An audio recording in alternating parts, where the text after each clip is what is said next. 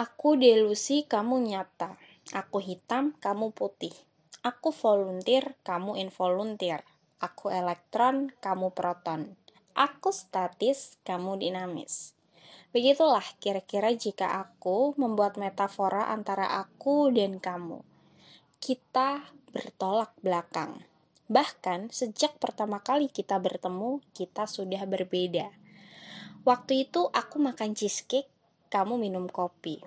Tapi cheesecake dan kopi nampaknya akan indah jika disandingkan di atas meja di kafe yang bersamaan.